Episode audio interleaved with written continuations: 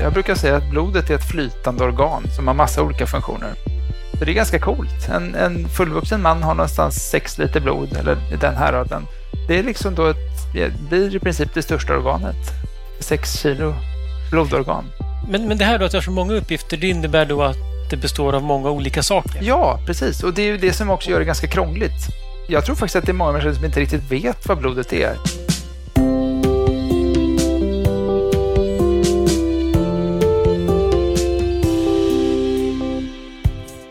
En vampyrs bekännelser handlar om vampyrerna Tom Cruise och Brad Pitt som lever ett dysfunktionellt familjeliv tillsammans med vampyrbarnet Kirsten Dunst.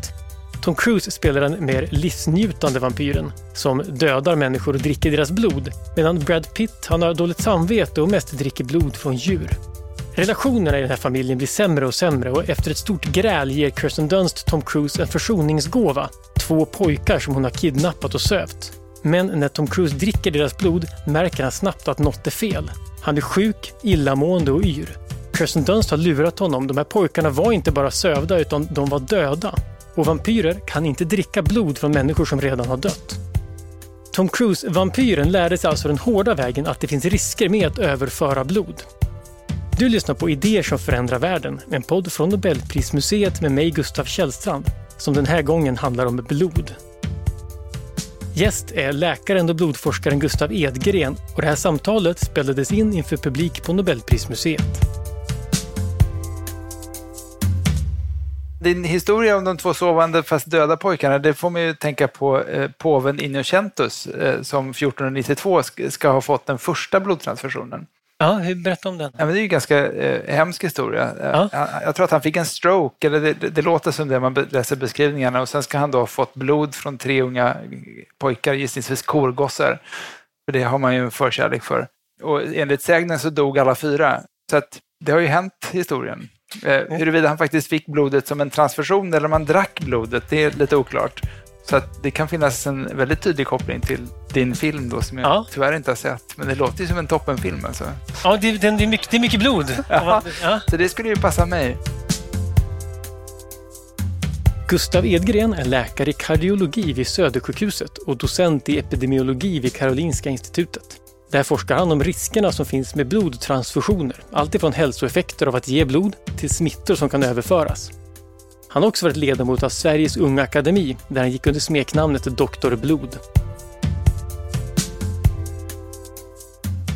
Jag brukar säga när folk frågar vad jag forskar med, eh, så brukar jag säga att jag håller på med luststyrd blodrelaterad forskning. Ja, det låter också som någonting från en film, jag säga. Ja. Så att det, det, är ganska kul. Vi gör lite som vi vill.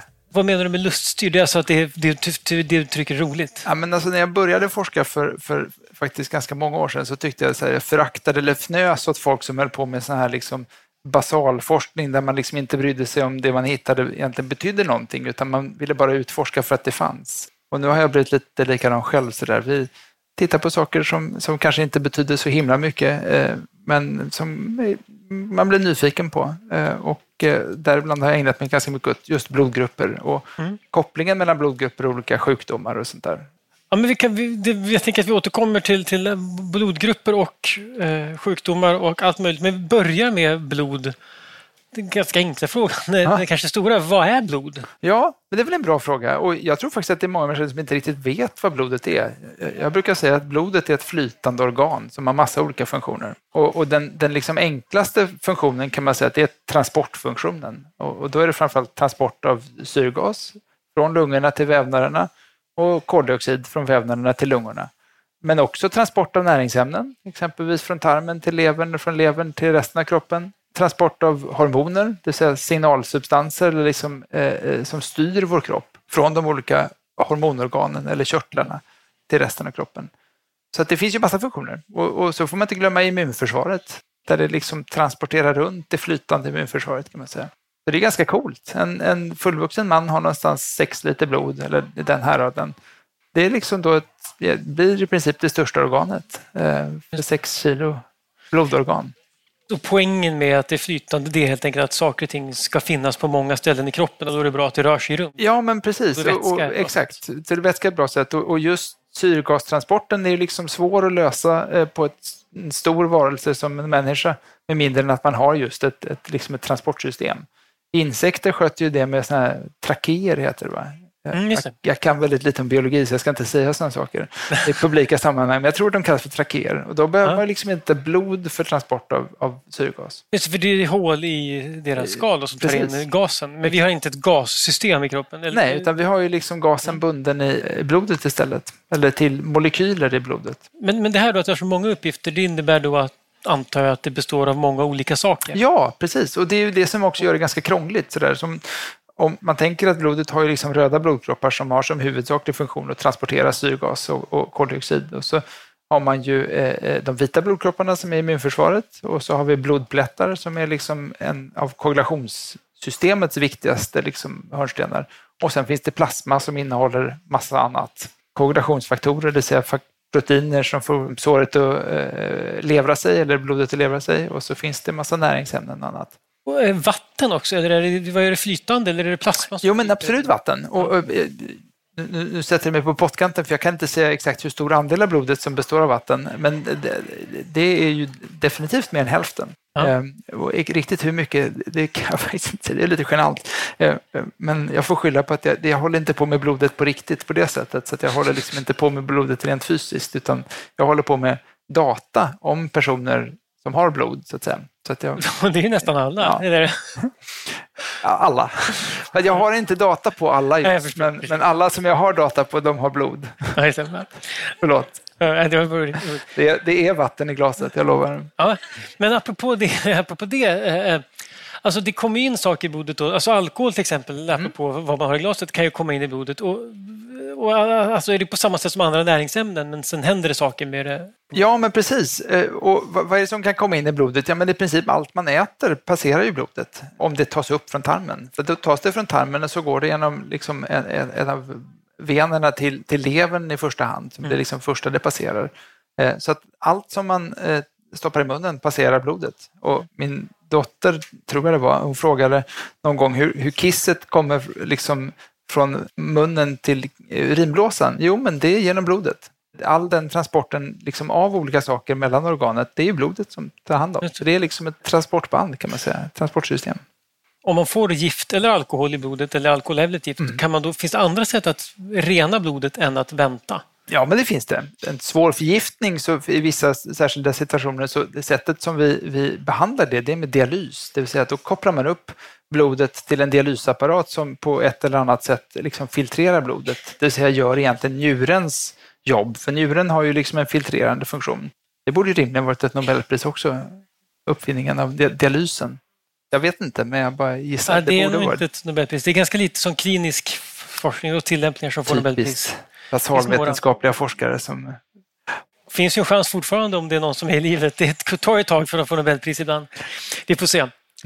Eh, men apropå vampyrer och sånt som börjar med, det här med blod som har en har en symbolisk och kulturell betydelse och halloween och sånt där. Men, men, märker du det i din forskning och de frågor du får om din forskning? Där? Jo, men absolut. Och, och, jag kan väl säga att jag, jag, var nog lite naiv för det där. Jag är inte en särskilt filosoferande person, men när vi har publicerat någonting som har med framförallt blodgrupper att göra så då brukar jag få ganska mycket mejl och då är det folk som, liksom, det kan vara anekdoter eller det kan vara olika grejer. Det finns ett enormt stort intresse av blodgrupper som jag kanske inte kan förstå rent medicinskt, eh, utan, utan tänker att det är liksom någon slags blodgruppsmystik som någon annan person som intervjuade mig kallade kallar det. Definitivt. Eh, folk är superintresserade av blodgrupper. Och riktigt varför vet jag inte, men det, det finns en enorm massa mytbildningar om, om blod och blodgrupper eh, som är ganska fascinerande. Ja, men vi kan väl kasta oss över blodgrupperna. Ja. Vi var inne på att påven som dog, det verkar finnas många skäl till att han kanske var illa ute. Men, men, men det här med att överföra blod utan att ha koll på blodgrupper är ju uppenbarligen farligt. Ja, men precis. Eh, det är det ju. Och det var ju så här att man, alltså, jag skulle tro att påven Inocentus eh, fick nog inte en blodtransfusion så som vi eh, ser på det idag, för man hade liksom inte riktigt upptäckt och beskrivit cirkulationssystemet. Man förstod liksom inte, alltså, det är klart att man har styckat djur och skurit i människor i alla tider, så någonstans visste man att det fanns pulsådror och vanliga ådror. Eh, men man hade liksom inte luskat ut hur det där funkade riktigt. Det kom först något par hundra år senare. Så att han drack nog det där blodet eller fick det på sig på något annat sätt.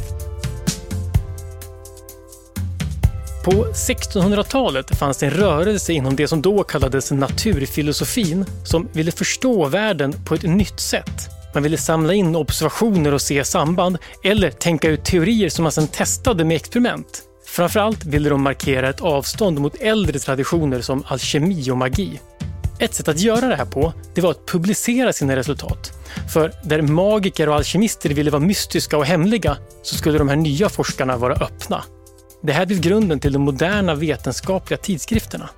Ett annat sätt att ta avstånd från magi var att säga att från och med nu så var det förbjudet med osynliga, alltså okulta krafter. Allt skulle kunna förklaras mekaniskt, som en maskin där delarna påverkar varandra genom olika synliga kopplingar. Läkaren William Harvey han var en av den nya tidens forskare. Så när han undersökte hur blodet rörde sig i kroppen, då var det naturligt att han ville hitta en maskin att jämföra systemet med. Och när han dissekerade hjärtan kunde han se hur det fanns klaffar och kammare som lät blodet färdas åt ett håll, men stängde igen åt det andra. Så han drog slutsatsen att hjärtat måste vara som en pump som drev runt blodet i kroppen. Och det var på så sätt som han upptäckte blodomloppet. De första riktiga blodtransfusionerna, det, det var sannolikt på, på 1700-1800-talet någon gång. Då började man ju liksom med, med blod från djur till människan och det gick i regel inget bra. Det finns någon sån här underbar beskrivning eh, på engelska där någon säger “And then his uh, urine became black as suff det, säga, det blev liksom svart urin av liksom den här hemolysresterna. För det som händer är ju att immunförsvaret, som ju då åker runt i blodbanan, känner omedelbart igen det här blodet som främmande och förstör det. Och, och resterna av de här sönderslagna eh, främmande blodet kommer ut i urinen. Alltså det det som händer om man får fel Ja, för vad är det som händer? Eh, eh, om du har blodgrupp A och så får du blod mot, eh, som är av blodgrupp B, då betyder det att då kommer du automatiskt och direkt känna av att det här blodet är främmande. För det som en blodgrupp är, det kan vi också säga förresten, vad är en blodgrupp? Mm. Jo, blodgruppen är i princip olika kombinationer av eh, protein och sockermolekyler som sitter på ytan av den röda blodkroppen. Och idag så pratar man om att det finns lite drygt 40 blodgruppssystem eh, med totalt runda slänga 350 olika blodgrupper. Och då räknar jag AB0-systemet, det är ju liksom ett system, men mm. där har vi ju i princip så har vi fyra blodgrupper och man kan också säga att vi har två, vi har A och vi har B, men, men man kan säga att man kan vara AB, A, B och 0. Så att det finns en herrans massa olika blodgruppssystem och man kan säga då att om du får mitt B-blod, nu har jag blodgrupp A, så du får inte mitt B-blod, du får mitt A-blod och du kanske är blodgrupp B. Då kommer du automatiskt känna av att det här är främmande och det leder direkt till att ditt immunförsvar gör sönder blodet. Och har man då fått en, en blodtransfusion som är röda blodkroppar från ungefär en halv liter helblod, då betyder det att det blir väldigt mycket hemoglobin som kommer ut fritt i blodbanan och det är jättefarligt och då har man en stor risk att dö. Den är nog i runda slängar 20, 30, 40 procent. Så det är liksom väldigt farligt med, med feltransfusioner. Men, men mindre än så kan man ändå ha, liksom, om man då till exempel, jag tänker tidiga transfusioner, kanske med soldater i krig och sånt där, så kan man ha nytta av blodet, alltså syreupptagning och sånt, mm. även om man har fel blodgrupp? Jo, men, men så här var det, man började med det här på 1700-1800-talet någonstans och så ganska snabbt så märkte man att det här går ju oftast inte så bra. Mm. Eh, och, och, det gick oftast så dåligt så att patienterna dog. Eh, ganska prompt. Liksom. Eh, så det förbjöds i väldigt stor utsträckning och det var egentligen inte förrän Landsteiner då någonstans kring 1900 upptäckte AB0-systemet som är den viktigaste blodgruppen kan man säga för transfusionsfrågor. Utan det var först när den upptäcktes som man kunde börja ge transfusioner något sånär säkert. Karl Landsteiner började forska om blod i vin omkring år 1900.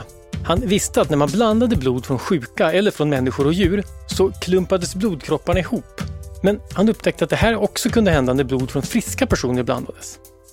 Men det hände inte alltid. Ibland hände ingenting, ibland blev det klumpar och ibland exploderade blodkropparna. Landsteiner tyckte att det här påminde om hur immunsystemet reagerar på främmande ämnen och han började därför misstänka att det här inte var något som skedde slumpmässigt, utan att det fanns olika sorters blod. Genom att systematiskt testa blod så upptäckte han att det fanns tre grupper som han kallade A, B och C A gick inte att blanda med B och B förstås inte med A, men C, som senare kallades 0, gick bra med alla sorter. Senare upptäcktes också AB som inte kan blandas med vare sig A eller B. Det här skedde alltså år 1900 och 1930 fick Landsteiner Nobelpriset i fysiologi eller medicin för upptäckten som möjliggjorde blodtransfusioner. Det är lite, lite grann som att skala en lök. Om man upptäcker AB0-systemet då betyder det att då kan vi ju ge det mesta blodet ganska säkert. Men man upptäckte rätt så snart att det var inte hela sanningen. Eh, och vilket som var det andra blodgruppssystemet man hittade, det kommer jag faktiskt inte ihåg. Men, men Landsteiner var ju faktiskt med och hittade RESO-systemet, eller RO-systemet, som är ett eget blodgruppssystem som i sin tur består av massa olika eh, typer av blodgrupper och, och, det vi kallar RH-positiv, det är egentligen att man är RHD, det vill säga att man har D-antigenet på ytan av sina röda blodkroppar. Och, och, jag tror att i Sverige idag så är någonstans 85 procent RH-positiva, RHD-positiva. Och då är det inte riktigt som det är med AB0-systemet, att man reagerar inte alltid första gången. Låt säga att jag är RH-negativ och så får jag ditt RH-positiva blod. Då kommer jag med stor säkerhet utveckla antikroppar mot ditt RH-blod. Så att skulle du ge blod till mig en gång till, eller om jag får blod från någon annan här i publiken lite senare som är RH-positiv, då kommer jag reagera. Och Det som är lite unikt och speciellt med AB0-systemet är just att alla har antikroppar mot den blodgruppen man inte har själv. Så att är man 0, då har man antikroppar mot A och B. Är man A, då har man antikroppar mot B och är man B, då har man antikroppar mot A. Men är man AB så har man inte några sådana här antikroppar. Vet man varför vi har olika blodgrupper? Nej, det har ingen aning om och det är jättekonstigt och det är jätteintressant. För man, det måste ju ha utvecklats på något sätt evolutionärt mm. att vi har dem. Ja, men utvecklats har det gjort på något sätt, det vet man inte varför. Men sen är det så att när det väl har utvecklats massa olika antikroppar så kommer fördelningen av antikropparna påverkas av vad som händer i vår miljö. Och ett klassiskt exempel på det är då att i, i, i stora delar av Afrika när det under lång tid har funnits mycket malaria så vet vi att de som har blodgrupp 0 skyddas mot den riktigt svåra malarian. Och framförallt så verkar det skyddet vara i barndomen, vilket gör att har du blodgrupp 0 så ökar sannolikheten att du lever förbi barndomen om du bor i ett område med mycket malaria. Och därför har man mycket blodgrupp 0 i stora delar av Afrika. Sen finns det andra sådana gradienter, så vi vet att i, i Sydostasien så finns det mycket blodgrupp B och det finns liksom andra fördelningar som vi inte riktigt vet vad de beror på. Och det är ganska spännande. Men skulle det kunna vara någon sorts förklaring till att det finns en evolutionär, att om, om man nu inte vet varför det utvecklas från början, men att, att det finns kvar så många olika blodgrupper, att det finns just sjukdomar som Alltså kan det hjälpa till att förklara? Ja, det skulle det kunna vara. Och det är roligt att du frågar, för det här är någonting som vi eh, har faktiskt ägnat, lite grann, ägnat oss lite grann.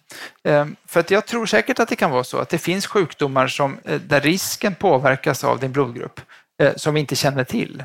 Eh, jag menar, vi vet då att, exempelvis att, att malaria då har ett visst skydd om du har blodgrupp 0, men det finns massa andra saker som vi också vet om. Att har du eh, någon annan blodgrupp än, än 0 så har du en ökad risk för, för venösa blodproppar, det vill säga proppar i lungor och i benen och armarna och så liknande, som är ganska stark effekt. Det är så att har man blodgrupp AB så har man nästan två gånger högre risk att få proppar i lungorna jämfört med någon som har blodgrupp 0.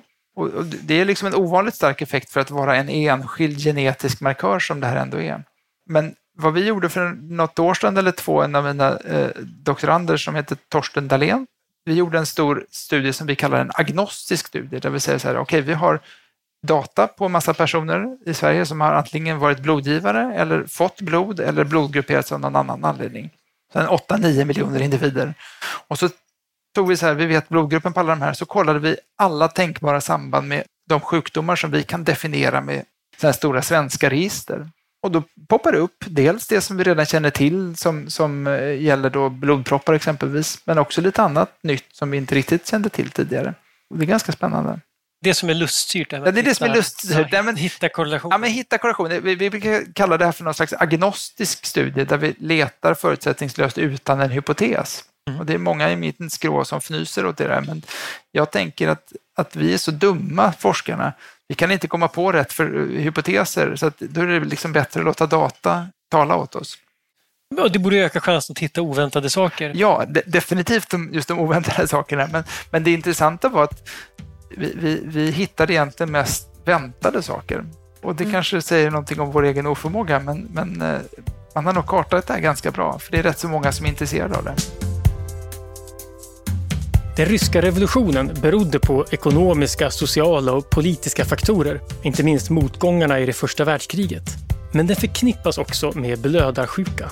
Blödarsjuka det är ett samlingsnamn för flera sjukdomar och de har det gemensamt att blodet inte koagulerar som det ska.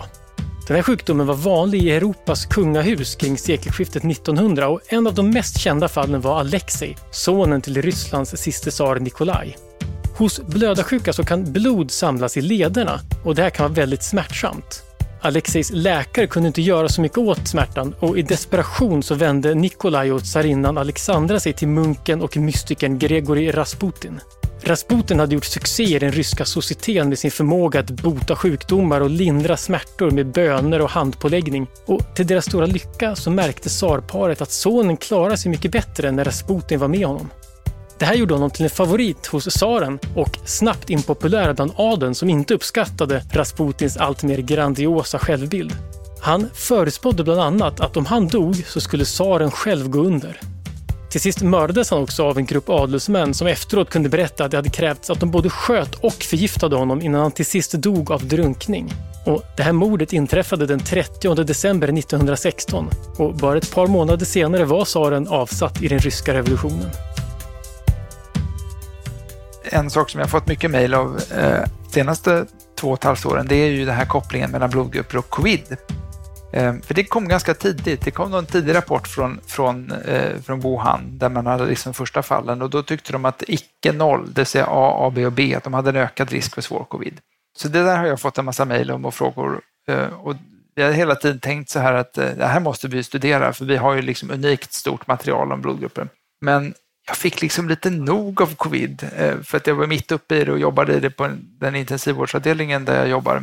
Så vi gjorde liksom inte det där, men nu är vi äntligen klara och har gjort liksom den största och sannolikt mest välgjorda studien på, på covid. Och det vi hittar är ungefär samma sak som man hittade tidigt i Kina och från andra ställen. Det vill säga att har man A, AB eller B så har man någonstans mellan 10 och 30 procent ökad risk av att smittas av covid och testa positivt, hamna på sjukhus med covid, hamna på intensivvårdsavdelning med covid eller dö av covid rätt så solitt och tydligt, men det som är fascinerande som ingen har visat tidigare, det är att den här överrisken försvinner helt när man vaccineras.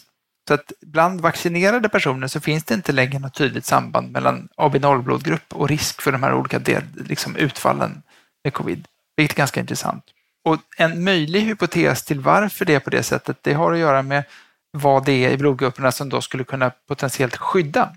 En hypotes är just att det finns molekyler på ytan av covidviruset som påminner om A och B-antigenen. Det vill säga att de påminner om blodgrupperna, de här molekylerna som finns på ytan.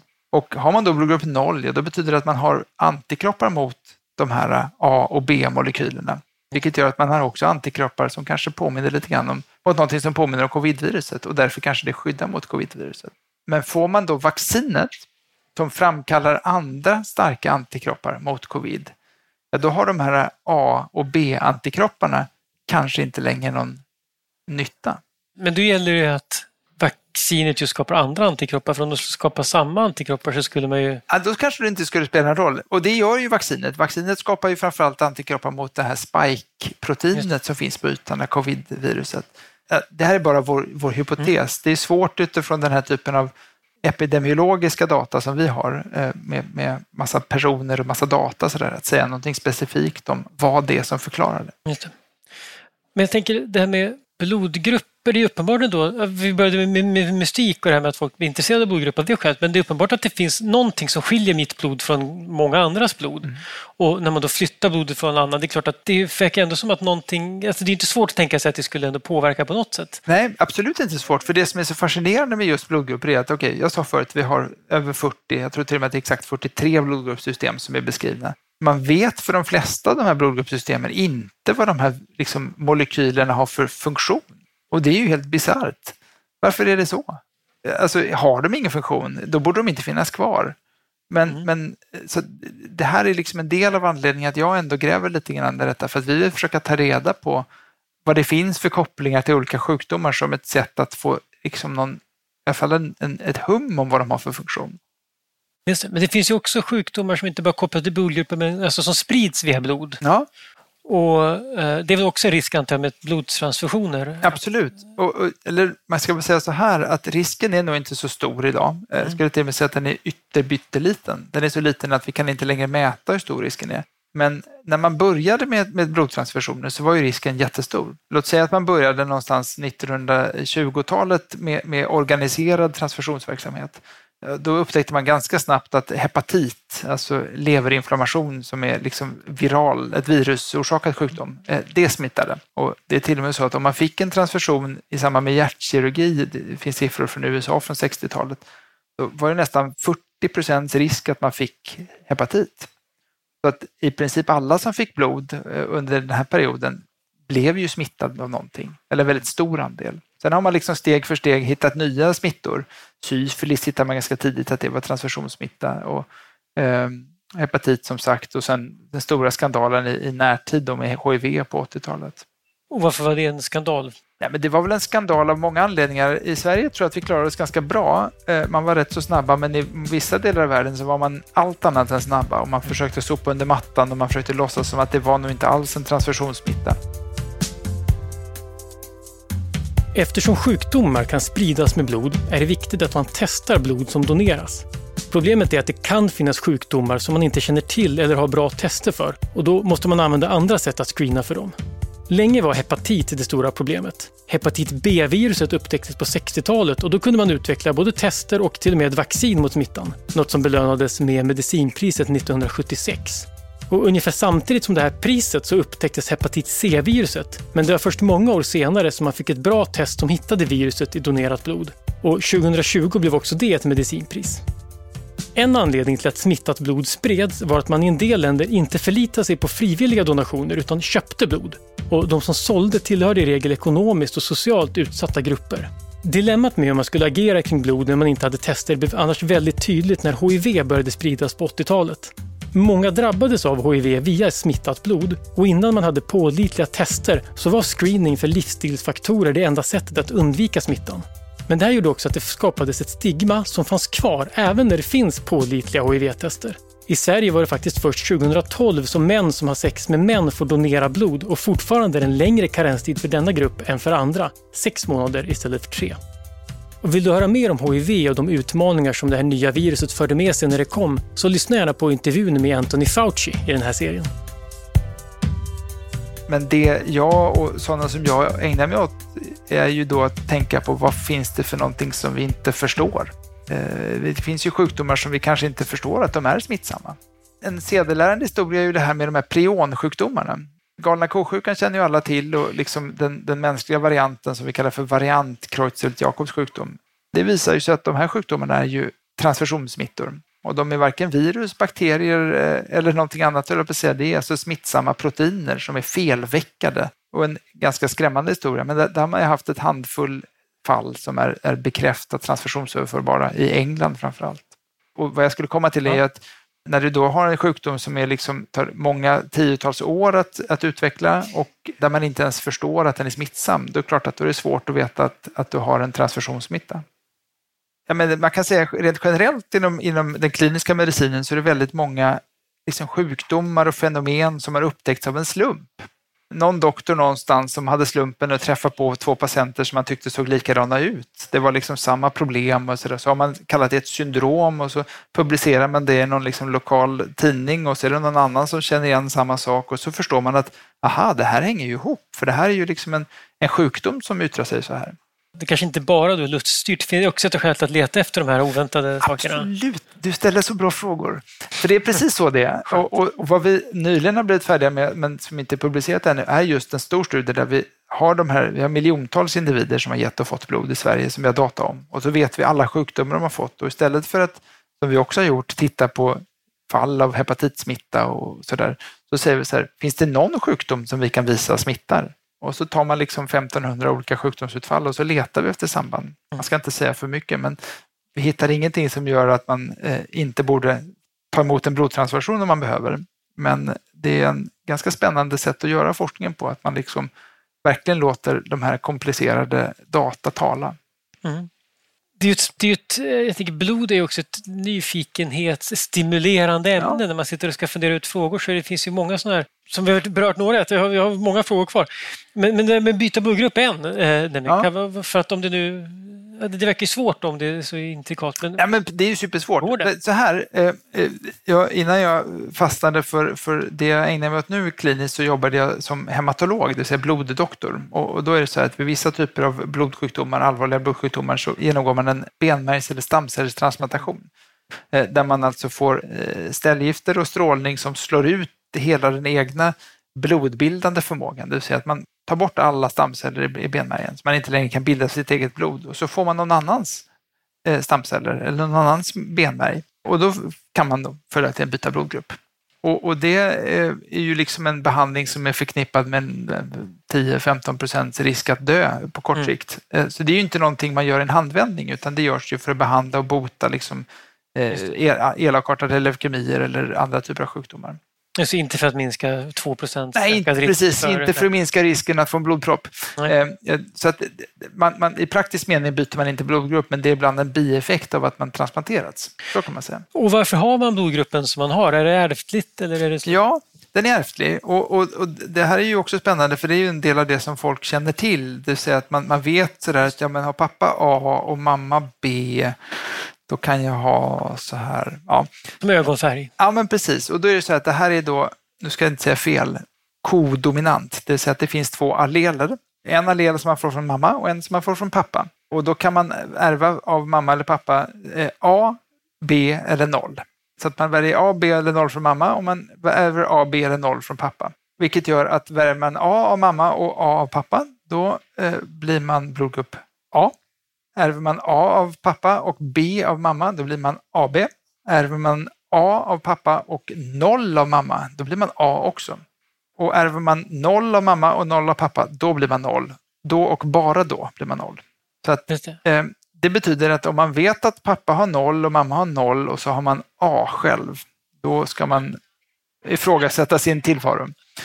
Och vi, och vi, har faktiskt gjort en sån studie. Och det här är ju så här roligt hur man som ängslig svensk eller forskare, jag, jag fick den här idén när vi åt lunch 2009 kanske, 2008. Mm. Och ett roligt sammanhang, för det var någon som sa att de hade ett stort tvillingmaterial och så var det några fel i det här materialet och då trodde de att det kanske var eh, liksom felaktigt faderskap eller felaktigt tillskrivet faderskap. Jag vet inte om det blev något i det där projektet, men då så fick jag idén att vi har ju data på flera miljoner svenskar med blodgrupp och så har vi samkört det med någonting som heter flergenerationsregistret som är ett register som finns i Sverige. Så vi visste då, okej, okay, här var det liksom mamma, pappa och barn då. Mm. Um, och, och, när jag säger vi visste, vi vet ju liksom inte vem de här personerna är, utan det här är helt avidentifierat. Men vi hade ändå då i runda slängar två miljoner familjeenheter där vi har blodgrupp på mamma, pappa och minst ett barn. Och, och, och då kan man ju ta reda på hur vanligt det är att pappa är inte pappa och det gjorde ni förstås. Så det gjorde vi naturligtvis eftersom vi ägnade oss åt luststyrd och nyfikenhetsstyrd forskning. Eh, men jag, jag liksom vilade på hanen lite grann med det där. Vi, vi gjorde de här analyserna liksom för tio år sedan och, och, så publicerade vi inte lite grann för att jag ville liksom inte provocera folk. Eh, men så någonstans så tog vi modet och så publicerade det här förra året. Mm. Eh, och, och, då brukar jag alltid prata om det, jag brukar alltid fråga, och hur vanligt tror ni att det är? Att pappa är inte pappa? Då brukar folk säga 20 procent och så säger någon annan nej 10 procent och så fnissar jag och så brukar jag alltid säga så här, ja, som man känner sig själv känner man andra. Så att det kanske var bra att ingen sa något. Men, men i Sverige så hamnar man någonstans på 1,5-1,6 procent eh, där man har i den officiella registreringen av familjer eh, eh, en, en, pappa som är så att säga inkompatibel med barnet. Det behöver ju inte betyda att man inte vet om det här. Det kan ju vara att man har planerat sitt liv på ett annat sätt än, än, än vad Skatteverket tycker. Mm. Men det som är fascinerande är också att det här minskat ganska kraftigt. Så att bland de som är födda på 30-talet så, så då var man uppåt en 3 procent eller kanske till och med över 3 procent och minskat ner till under 1 procent eh, bland de födda på 80-90-talet. Det är antar inte medicinska skäl till den minskningen? Nej, det tror jag inte. Det, det tror jag inte. Nej, men det är väl förmodligen tillgång till preventivmedel och liksom en, en, en mer acceptans till att man kan faktiskt skilja sig eh, om otrohet inträffar och liknande. Mm. Men när vi publicerade det här, då fick jag mejl kan jag säga. Många mejl med många speciella frågor. Var det många som trodde att de var inkompatibla pappor? Ja, dels det. Det var ju folk som ville att, kan du titta i ditt register om jag verkligen är far till min dotter och sådär. Nej, det kan jag inte, skrev jag då. det finns större problem förmodligen. Kul uttryck bara tyckte jag annars. Ja. Att, att, pappor som inte är kompatibla med sina barn, ja. det finns ju en... Ja, men, ja, det vill man ju inte vara. Blod, familjär blodgruppsinkompatibilitet är ett, ett, en eufemism. Men, men då, jag tänker med föräldrar och sådär, för då förstår jag också att mammor och barn kan ha olika blodgrupper naturligtvis. Absolut. Eh, så, för det tänker man också att det skulle vara svårt annars, men de, men de delar inte blodomlopp helt enkelt när man är gravid. Nej, det gör man ju inte riktigt. Eh, men, men jag kan ju en personlig anekdot då. Jag har tre barn eh, och jag vet att jag har blodgrupp A och min fru har noll. Ja, vad barnen vill man ju veta. Ja, det stämmer. Och jag vet bara vad ett barn har säkert och yngsta dottern har blodgrupp A. Eh, och det vet jag för att hon hade det vi kallar för hemolys, det vill säga att lite blod går sönder. Och det är vanligt i, i liksom fosterlivet av många olika anledningar. Men hon hade hemolys för att min fru har anti-A-antikroppar. Det vill säga min fru som har blodgruppet 0 har antikroppar mot A. Och då har de här antikropparna eh, passerat över eh, moderkakan in i dotterns blod och där slagit sönder lite röda blodkroppar, vilket gjorde att hon hade lite hemolys till början. Hon behövde inte byta blod och hon behövde inte få ljusbehandling, vilket är de två behandlingar som oftast behövs. För ljusbehandling? Ja. Det farliga med, eller förlåt, det finns flera saker som är farliga. Man har eh, hemolys bland barn. Om man har mycket, mycket hemolys och man har det tidigt i livet, då dör barnet ofta, eller fostret oftast, för de får så låga blodvärden om man liksom halvmycket sådär och kommer ut och liksom klarar sig till födseln, då en av de sakerna som är farligt då, det är inte bara att man får låga blodvärden, utan framförallt så är det farligt att man får höga nivåer av ett nedbrytningsämne från blodet eller från hemoglobinet som heter bilirubin. Och bilirubinet kan, kan man faktiskt skynda på nedbrytningen av genom UV-ljus. Så då får barnen ligga, tidigare låg man under en lampa, nu får man på sig en, en väldigt spacig ljusdräkt Barnet ser ut som att det är liksom blått ljus. Det är lite coolt, men det funkar väldigt bra. Räcker inte det så, så tvingas barnen ibland genomgå ett blodbyte. Fråga mig inte hur, riktigt hur det går till, för det vet jag inte. Blodbyte? Mm. Ja. Man tappar väl ut lite i ena änden och fyller på i andra. Jag, faktiskt vet jag inte riktigt, det är lite genant. Jag är men inte barnmedicinare, jag är vuxenmedicinare. Ja, precis, men oavsett blodbyte, jag tänker bara, men det kan man, inte, man kan inte byta blodgrupp med hjälp av blodbyte i alla fall. Nej, det, det, gör man inte. Man byter inte allt på en gång. Det vore precis, man får inte, byter inte blodgrupp. Utan då får man blod som har en blodgrupp som då eh, inte eh, får hemolys av, det vill säga att inte mammans antikroppar påverkar. Och får jag säga en sak till? Ja. Någonting fantastiskt coolt. Man kan alltså få sådana här utbytestransfusioner medans man ligger i magen. Det är, det är fräckt faktiskt. Då ja. sticker man, gissar jag, en tunn nål in i, i liksom, eh, navelsträngen och så lägger man in en liten slang där så ger man blod genom magen. Helt otroligt. Det borde man få Nobelpris för. Ja, Om inte annat för att det är ganska fräsigt. Jag tänker att du kanske har en roll i det. Nej, nej men, jag har inte det, men, men du jobbar väl på KI? Det delar ut Nobelpriset. Så att, ja. din, så att du får väl... Jag kan säga jag är väldigt långt från ja, men du får ha de fina salongerna på KI. Ni kanske har någon förslagslåda någonstans? kanske. Just det, det finns... Eh, du ser så mycket spännande saker som man bara... Det är svårt att komma vidare på i manuset. För jag, nu blir jag nyfiken på en sak du sa. Du sa att du, har, du, du är bloddoktor mm. och tre barn och du kan ett av barnens blodgrupp. Är inte det någonting som du borde liksom ha Nej, men det är bara så att blodgrupp? Ja, men så här, då kan jag säga så här att jag är övertygad om att någon av de andra barnen också har blodgrupp A. Men vilken av dem, det vet jag inte.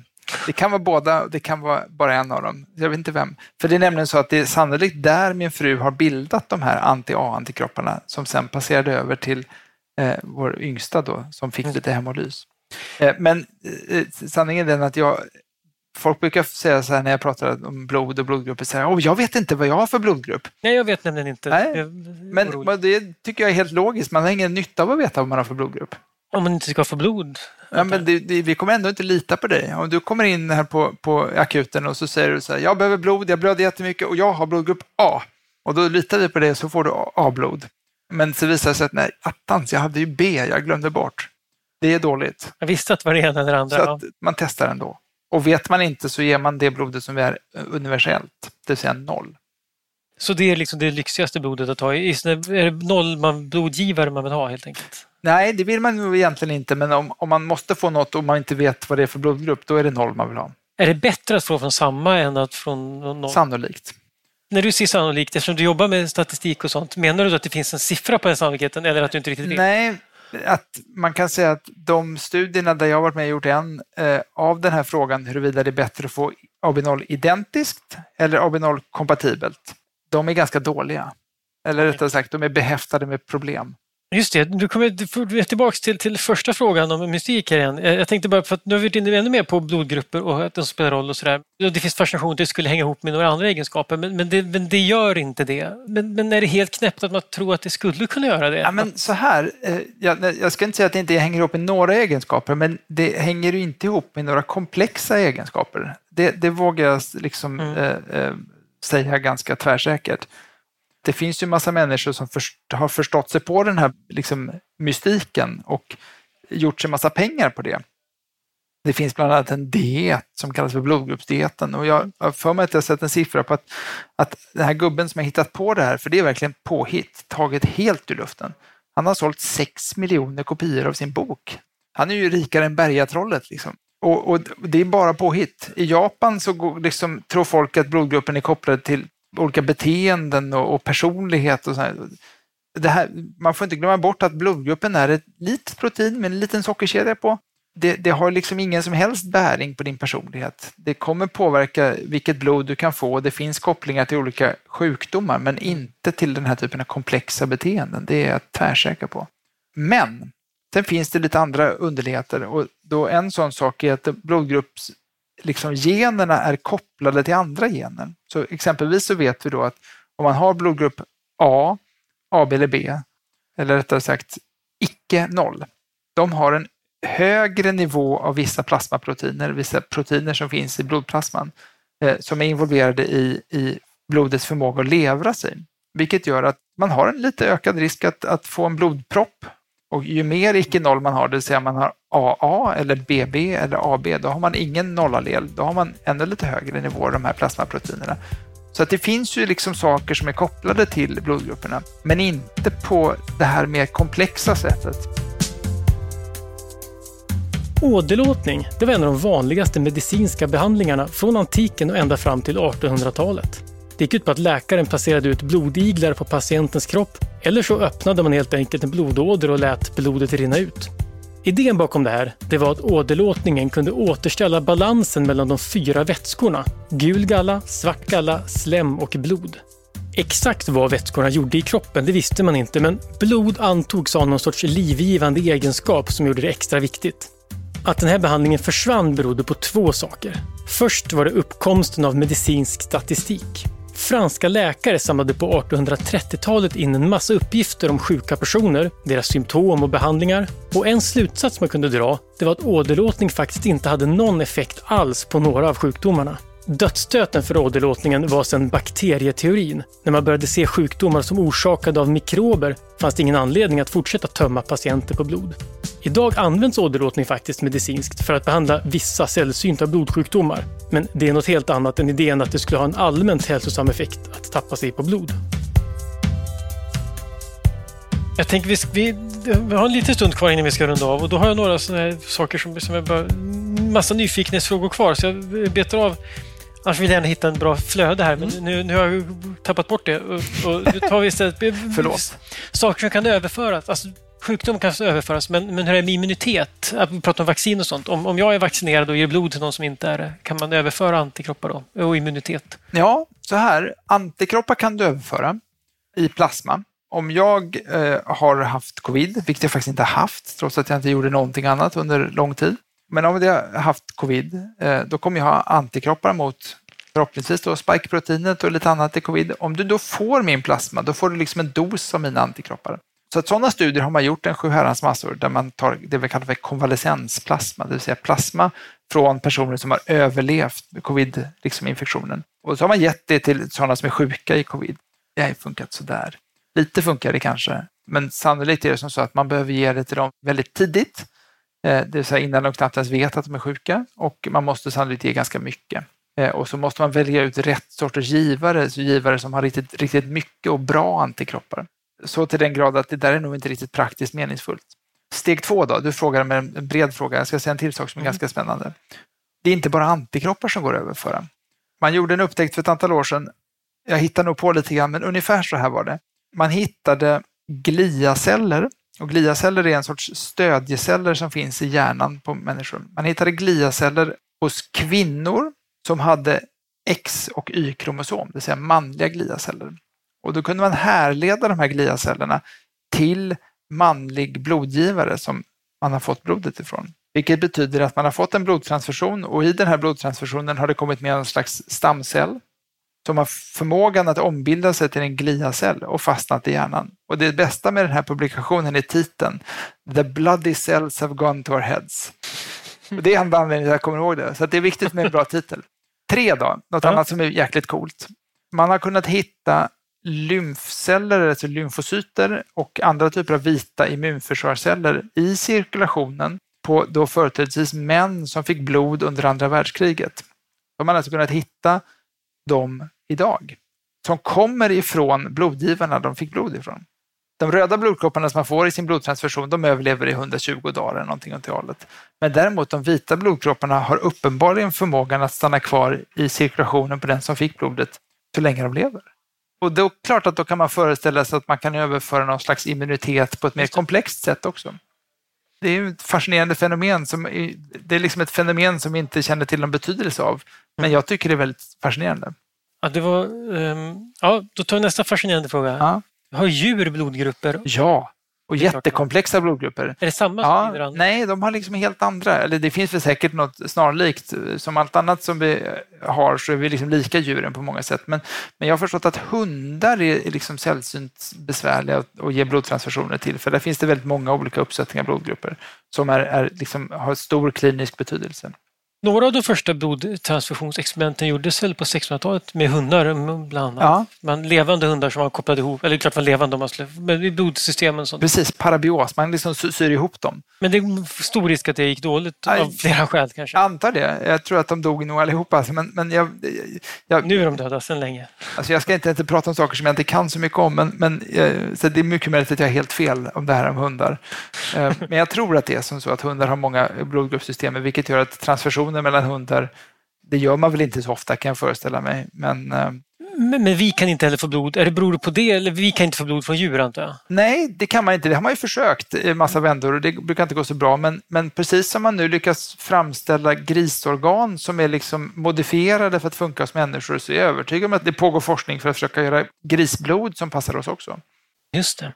Men då måste man få grisarna att byta blodgrupp kanske? Ja. Och det går ju, med Det går gris ju. kan man göra det på. med liksom genetiskt modifierade då. Men det, det pågår ju faktiskt också allt mer framgångsrik forskning om liksom syntetiska blodgrupper. Det vill säga att man, eller syntetiskt blod rättare sagt, att man, man framställer blod syntetisk väg istället. För att, Det verkar ju smartare. Men finns det? och- Eller, det vet att det finns, men det fungerar det som blod? jo, men det verkar ju funka. Eh, Det är dyrt och, och, och, och liksom inte praktiskt möjligt att använda, men det, det verkar funka. Och, för det finns patientgrupper som antingen vägrar transfusioner, vilket ställer till det för dem själva, eller som, där det inte liksom lyckas hitta passande blod. Och då kan man använda artificiellt blod om det... Nej, Kan kan man inte, men man kanske kan i framtiden. Vad gör man då om de inte kan ta emot blod nu? Ja, men då får man väl eh, hitta på något, en lösning. Eh, och det vi gör ibland när vi har en patient som vi vet eh, eh, har en väldigt ovanlig blodgruppskombination och, och kanske har liksom farliga antikroppar eller besvärliga antikroppar, då kan man ibland liksom förbereda sig väldigt noga. Man ser till att patienten får lite extra EPO veckorna innan man ska opereras och man kan kanske till och med i vissa fall ta en blodtappning från den personen. Så man sparar lite blod i kylen i några veckor som man sen får eh, om man behöver när man sen opereras. Just det, för man kan ju donera till sig själv. Till sig själv, ja, precis. Och sen så i vissa fall så, så är det som det är. Man säger nej och så dör man. Det gick inte. Ja, det låter ju... Trist. Ja, det låter trist. Och så kan vi inte sluta. Så vi ska avsluta med, med tänka mera, eh, som vi började igen med att dricka blod. Kan, man- kan man göra det? Eller finns det någon poäng med att göra det? Alltså blodpudding är ju jättegott. Precis. Och, det så det är klart att man kan det. Eh, Och jag åt en fantastiskt god blodkorv med någon spansk recept, morchilla de Burgos. Det var med ris i och så var det stekt hårt så det blev så här knaprigt och jättegott. så vi kan leva på blod? Ja, det tror jag. Det är nog ganska nyttigt, säger de. Eller det säger de. Vi pratade innan här om att hur, hur lite vi vet om vad som är nyttigt att äta. Men, men det innehåller i alla fall ganska mycket järn och järn har vi många brist på, så det är kanske inte fel. men framförallt är det gott med blodpudding. Brukar, äter du mycket blodpudding? Periodvis äter vi mycket blodpudding. Det är ju både billigt, nyttigt och gott. Ja. Men man kan inte, man kan inte så att säga, blodtransfusioner måste man, man kan inte dricka blod på det Nej, man kan inte dricka blod på det sättet. Då nej. får man bara i sin där, Ja, man får inte i sig syreupptagningsförmåga. Nej, det tror jag inte att man får. Så påven var körd oavsett om man Ja, drack blodet. exakt. och- Stackars Innocentius. Stackars. Alltså, precis. Ja, det känns som att vi skulle kunna prata, det finns, det finns mer att fråga om blod, men, Mm. men eh, jag tänker att vi börjar eh, ganska mätta ändå och sugna på blodpudding. Ja. Så jag tycker jag vill ett stort tack, Ja, eh, tack. Gustav, för Det var kul. att du har berättat om blod. Tack. Idéer som förändrar världen är slut för den här gången. Den här podden görs av Nobelprismuseet. Vi finns på Stortorget i Gamla stan. Information om museets utställningar och öppettider finns på museets hemsida nobelprismuseum.se. Du kan förstås också följa oss på Facebook och Instagram. Och vill du veta mer om Nobelpristagarna och deras arbete så gå gärna till Nobelprisets hemsida nobelprice.org. Och ett stort tack till Nibe Group, EF Education First, Knut och Alice Wallenbergs stiftelse och familjen Erling Perssons stiftelse som möjliggör Nobelprismuseets verksamhet.